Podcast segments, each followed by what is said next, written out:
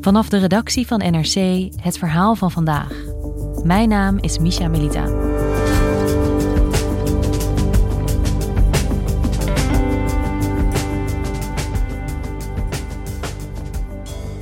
Koraalriffen zijn de kraamkamers van de wereldzeeën. Maar het gaat niet goed met het koraal.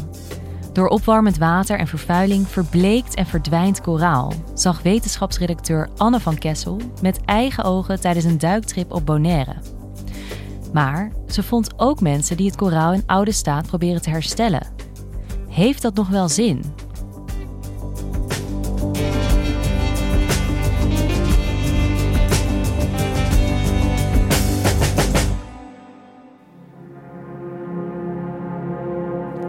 Hey Anne, wat zie jij er vrolijk uit? Uh, ja, ik ben net terug uh, uit Bonaire en uh, daar ehm, voor het eerst sinds lange tijd weer gedoken. Ik ben tien jaar geleden ook op Bonaire geweest. En het was heel erg fijn om daar weer te zijn. Het is een van de, de mooiste plekken op de wereld misschien wel om te duiken. Enorm veel koraalriffen. Dat begint vaak zo rond 7 meter diepte. En dan kun je zo diep gaan als je zelf wil. En uh, voor je het weet zit je tussen de vissen en hang je boven het koraal. En nu was je weer terug na tien jaar. Hoe was dat? Ja, fantastisch. Ik hou gewoon enorm van duiken. Dat je in een wereld kunt zijn waar je eigenlijk niet thuis hoort. En dan uh, tussen de vissen kunt zwemmen en leven tussen het koraal. Dat vind ik fantastisch. Ja. En was het nog heel anders dan tien jaar geleden? Ik zag wel minder vis, maar ik vond het koraal... Ik had eigenlijk erg verwacht. Ik was heel erg bang dat het heel erg verbleekt zou zijn of zo, maar dat viel eigenlijk reuze mee. Wat wel anders was, is dat ik uh, tijdens het duiken op meerdere plekken voor de kust een uh, gek soort kerstbomen zag. Het zijn uh, witte palen met allemaal zijtakken, waarin allemaal stukjes koraal hingen aan dunne draadjes. En ehm, ja, ik vroeg me wel af wat die dingen daar deden. En het bleek een onderzoeksproject te zijn. En ik ben ook gaan duiken met de marinebioloog Sanne Tuiten. Een van de mensen die deze kerstbomen onder water plaatst. Nou, wat hebben we allemaal gezien? Als eerste heb ik je langs de koraalbomen gebracht met de stijkhoorn en elkhorn koraal. Ja. Dat is hetgene wat hangt. Het mooie is aan de koraalbomen is het creëert eigenlijk een veilige plek, veilige plek voor koraal om te groeien. En Anne, jij bent wetenschapsjournalist en je stuit hier dus op een onderzoeksproject. Dus eigenlijk tijdens je duikvakantie ben je ook aan het werk gegaan. Ja, dat klopt. En uiteindelijk heb ik ook zelfs mijn eh, eerste interview in badpak gedaan. Uh, ja, dat lijkt me een interessante ervaring. Ja, zeker. Ja. Maar het was eigenlijk ook wel heel erg leuk. En uh, ja, het doel van Sanne Tuiten en haar collega's is dus koraal repareren en terugbrengen naar de staat van hoe het 30 eh, jaar geleden was. Wij proberen ze te herstellen en zodra er minder druk is op het koraal, dat ze ook zich uit zichzelf herstellen. En dat is vooral wat wij doen. We hebben drie mensen en daarmee doen we alles. Dus uh, het, is wel, ja, het is wel vrij intens, maar het is wel leuk. Sanne Tuit en haar team werken hard om het koraal weer terug te brengen op Bonaire. Maar wat is koraal eigenlijk? Want bij koraal denk ik vooral aan kettingen van mijn oma met van die rode stukjes koraal ertussen. Ja, klopt. Koralen zijn uh, dieren. Het zijn holtedieren. Dat is een groep dieren waar bijvoorbeeld ook de kwallen en de zeeanemonen bij horen. Er is een uh, simpel zenuwstelsel, uh, maar verder ontbreekt ongeveer alles. Er is geen, ze hebben geen darmkanaal, geen bloedvatstelsel, ze zijn amper spieren en ze hebben geen brein. Um, binnen de koralen heb je eigenlijk twee grote groepen. Er zijn zachte koralen zonder uitwendig skelet en uh, er zijn harde koralen. En die harde koralen die bouwen hun eigen huisvesting van kalk. En dit zijn ook de koralen die samen een rif vormen. En die, uh, die ketting die uh, oma heeft, dat is waarschijnlijk bloedkoraal. Dat is een beschermde soort en daar mag dus ook niet in gehandeld worden. Ja, ik zal het doorgeven. hey, en wat is er aan de hand met het koraal? Waar gaat het mis? Nou, er is behoorlijk wat aan de hand met het koraal. Er is net een uh, rapport verschenen vorige week die liet zien dat tussen 2009 en 2018 14% van de koraalriffen wereldwijd verloren zijn gegaan. Dat is behoorlijk wat. En dat komt onder andere door verzuring en opwarming. Daar uh, hebben met name de ondiepe riffen last van, maar ook steeds vaker krijgt de dieper gelegen rif daar last van.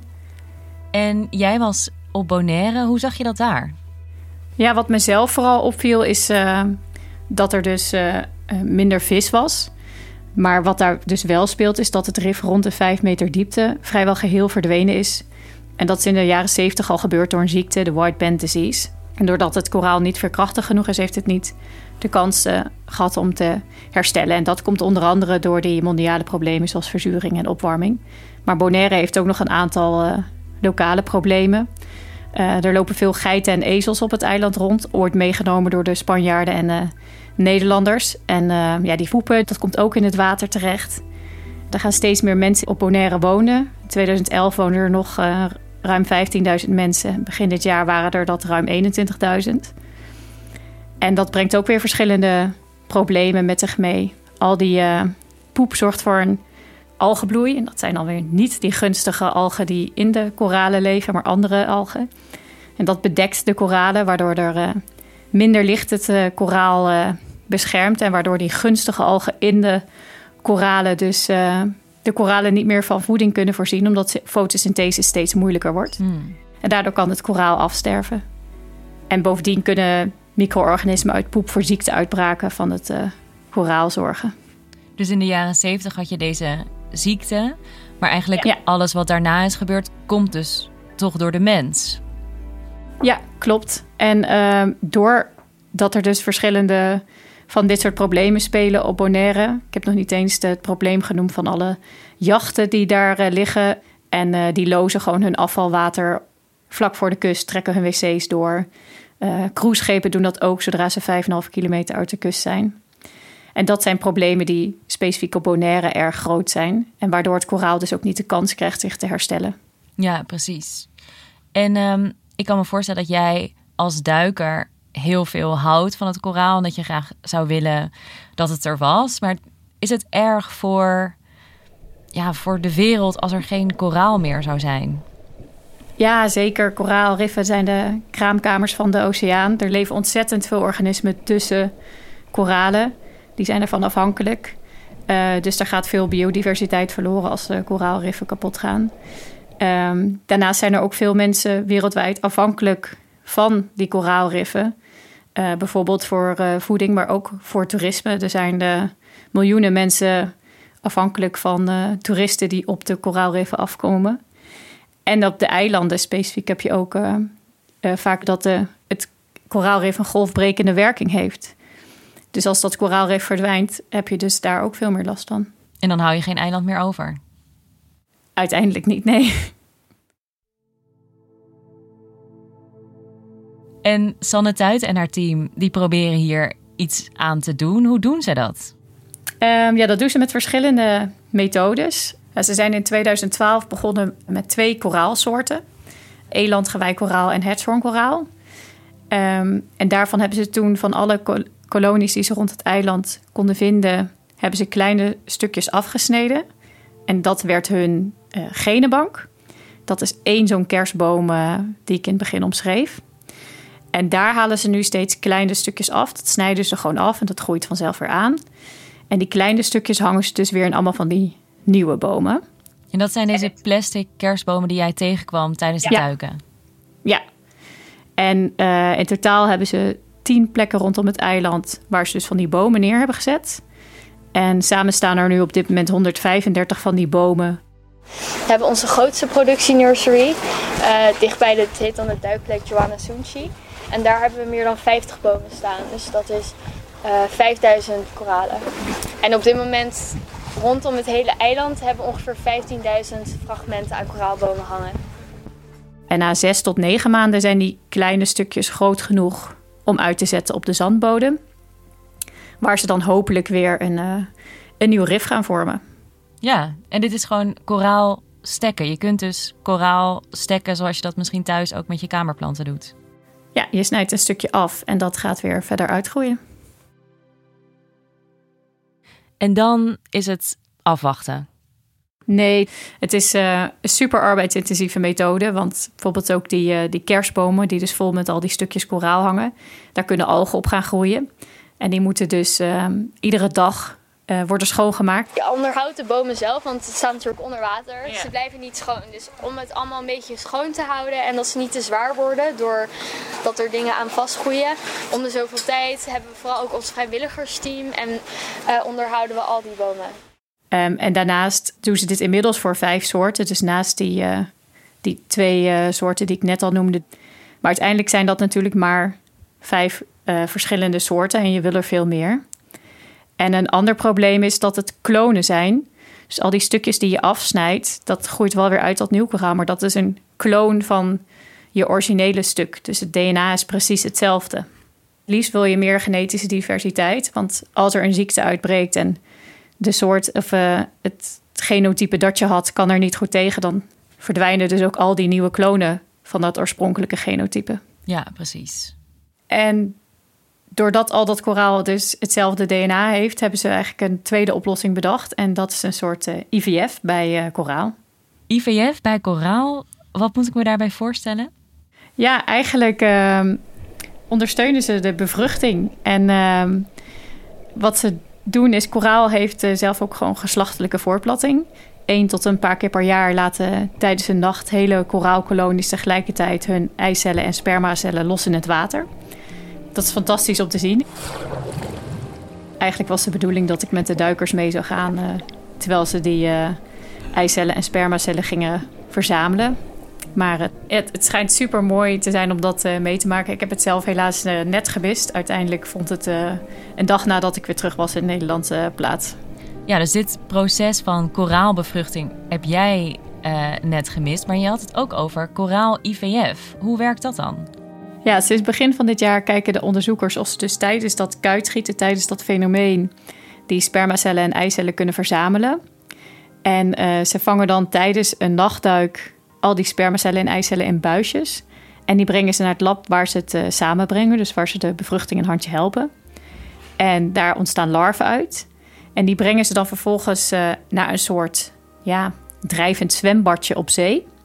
Dat ziet er eigenlijk net zo uit als een zwembadje wat je voor je kinderen achter in de tuin zet. En daarin zitten vier uh, raampjes met een gaas erin, waardoor het zeewater in en uit kan stromen. En in dat zwembadje staan vier bakken. En in die bakken zitten stervormige tegels.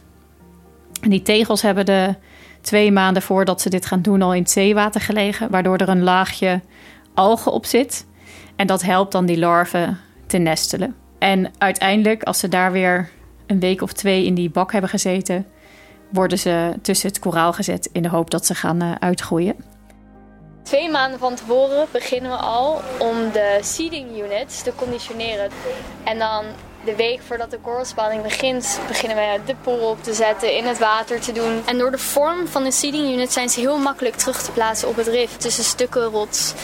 Alles is natuurlijk echt ontzettend veel werk, want het precieze tijdstip van dat kuitschieten is niet bekend. Er zijn kalenders en die geven met een speling van een paar dagen aan. Dus die onderzoekers gaan dan gewoon nachten achter elkaar het water in, hopende dat dit fenomeen optreedt. En het duurt ook maar een paar minuten, waarin ze dus dan uh, die cellen allemaal moeten verzamelen.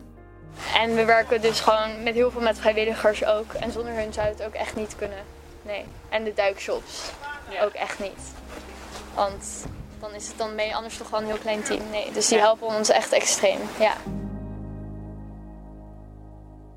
Dus deze methodes zijn heel arbeidsintensief, maar werkt het dan in ieder geval? Ja, Sander Duiten is hier heilig van overtuigd dat uh, dit werkt. Daarom zet ze zich er ook zo uh, ontzettend hard voor in. En de, de stekmethode die laat ook wel duidelijke successen zien. Daar zijn ze nu een aantal jaar mee bezig. En ze hebben al één uh, hectare weer hersteld. Dus dat is ook heel mooi. Ook al is dat pas 5% van het gebied dat het ooit was. De IVF-methode, daar hebben ze nog geen resultaten van, omdat ze dat pas sinds een tijdje doen. Dat moeten we echt nog wel tot maart volgend jaar wachten, willen daar iets over kunnen zeggen. Ik heb het ook uh, voorgelegd aan ecoloog Erik Meesters van de Wageningen Universiteit, koraalwetenschapper. En ik heb hem gevraagd wat hij van dit project vond. En hij is in principe ook heel enthousiast. En hij noemde ook dat op sommige plekken het koraal echt alweer terug is in de staat van 30 jaar geleden. Ja, deze methode op Bonaire werkt heel goed. Er zijn stukken, daar is het koraal al meer dan uh, een meter hoog. Nou ja, en dat is heel erg vertakt. Dus tussen al die takken, daar zwemmen allemaal eh, kleine visjes, jonge visjes, die zwemmen daar en die zoeken daar uh, bescherming. Dus het werkt zeker uh, op die plekken waar, waar het goed gaat en waar de waterkwaliteit goed is, want dat is wel heel belangrijk. Maar tegelijkertijd heeft hij ook wel een aantal kritische kanttekeningen. Eén, twee van die soorten, dit zijn snelle groeiers, dus daar bereik je snel resultaat mee. En dat is wel leuk. Hè? Het is leuk voor mensen om te zien. En je ziet ook wel biodiversiteitstoename. Dus het, het, het, het oogt leuk. Maar het is, het is niet uh, dat je zomaar even een nieuw rif even, even neerplant. En het doel was om het koraal op Bonaire weer terug te brengen naar hoe het was 30 jaar geleden. Denk je dat dat gaat lukken? Ja, dat vind ik heel moeilijk te zeggen. Sanne durfde dat ook niet te zeggen, maar ze zegt wel van daar ga ik gewoon mijn uiterste best voor doen en dan zien we wel of het lukt. Ik denk dat ik dat niet kan zeggen. Het is lastig om te weten wat de toekomst wordt en ik wil er eigenlijk liever niet een uitspraak over doen. Natuurlijk wil je het wel. En daarom werken we ook zo hard. Dat het juist wel die kans is dat het gewoon teruggaat naar hoe het was. Uh, maar Erik had daar wel een, uh, een duidelijke mening over. Die zegt, ja, dit is natuurlijk niet de oplossing voor de achteruitgang van koraalriffen. Daarvoor moet je echt die problemen die ik net noemde aanpakken. Naast natuurlijk klimaatverandering. En pas dan kun je echte koraalriffen misschien weer herstellen. Nee, helemaal niet. Nee, dit is geen oplossing voor de achteruitgang van de koralen op de wereld. De echte oorzaken, dat, dat zijn eigenlijk gewoon de waterkwaliteit. Dus je moet als je koraal herstelt, moet je eigenlijk als voorwaarde is eigenlijk dat de waterkwaliteit goed is. Want anders uh, ja, is het dweilen met de kraan open, want dan, dan gaat die koralen weer net zo hard dood. Preventie is altijd beter hè, dan herstel na de hand. Zo moet je het eigenlijk zien. En dat geldt, dat geldt hier net zo goed. Een van de belangrijkste oplossingen ligt volgens hem bij de politiek. Nou ja, sinds 2010 zijn dus uh, Saba, Sint-Eustatius en Bonaire zijn onderdeel van het land Nederland. Het zijn een soort gemeentes geworden. Alleen heeft Nederland gezegd, je mag zelf, het eiland mag zelf eigenlijk bepalen wat er op het land gebeurt. Waardoor bijvoorbeeld heel erg die kustzone, die kan gewoon helemaal dichtgebouwd worden. Het heeft allemaal negatieve effecten op die zee. En die zee, daar heeft Nederland wel uh, een soort verantwoordelijkheid voor het koraal. Maar ja, als je, als je niks, niks kunt doen aan de invloed, de effecten op dat koraal, ja, dan, dan heeft het weinig zin. En volgens hem kunnen we dat het beste veranderen naar Frans voorbeeld. De Fransen doen dat wel. En de Fransen die hebben het anders gedaan. Die hebben gewoon gezegd, alle onze eilanden geldt gewoon Europese regels, Natura 2000 wetgeving. En uh, ja, daar is geen discussie over. En ik denk dat uh, ja, die aanpak van, uh, van Frankrijk is wat, misschien wat autoritairder. Maar voor de natuur is dat vaak iets beter in mijn, in mijn beleving. Erik Meesters ziet dus een rol weggelegd uh, voor de politiek. En hij vindt dat we de grotere problemen eerst moeten aanpakken. Hoe ziet Sanne Tuiten dat, die toch in de praktijk al gewoon heel hard aan het werk is om het koraal te herstellen? Ja, zij zegt iemand moet het doen. En ik ga me hier gewoon 100% voor inzetten. En uh, dan hoop ik dat we ontzettend veel successen bereiken. Je kan heel pessimistisch gaan kijken naar al dat dingen, maar het heeft zeker zin. Over de jaren zie je echt wel een verschil. Want zonder ons is er niemand die het doet. Dus uiteindelijk moet er altijd iemand zijn die probeert dieren een wat meer tijd te geven. En jij? Ja, ik deel wel meesters iets wat pessimistische kijk. Dat als we niet die grote problemen aanpakken, dat het dan een super mooi project is en wat ik het heel mooi vind, dat mensen zich daar zo ontzettend voor inzetten. Maar ja, het heeft niet zoveel zin als ze ondertussen andere problemen blijven spelen.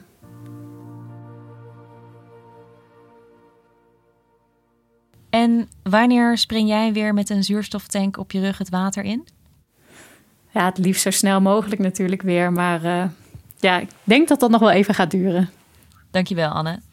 Graag gedaan.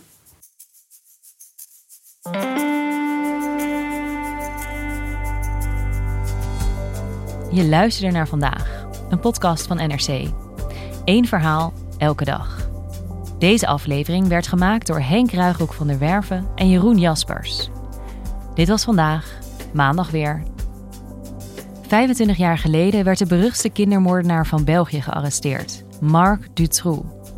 Wat is zijn stempel geweest op de Belgische geschiedenis? Journalisten Gabrielle Ader en Anouk van Kampen zoeken het uit in de podcastserie De Schaduw van Dutroux. Luister nu de nieuwste aflevering in de NRC Audio-app.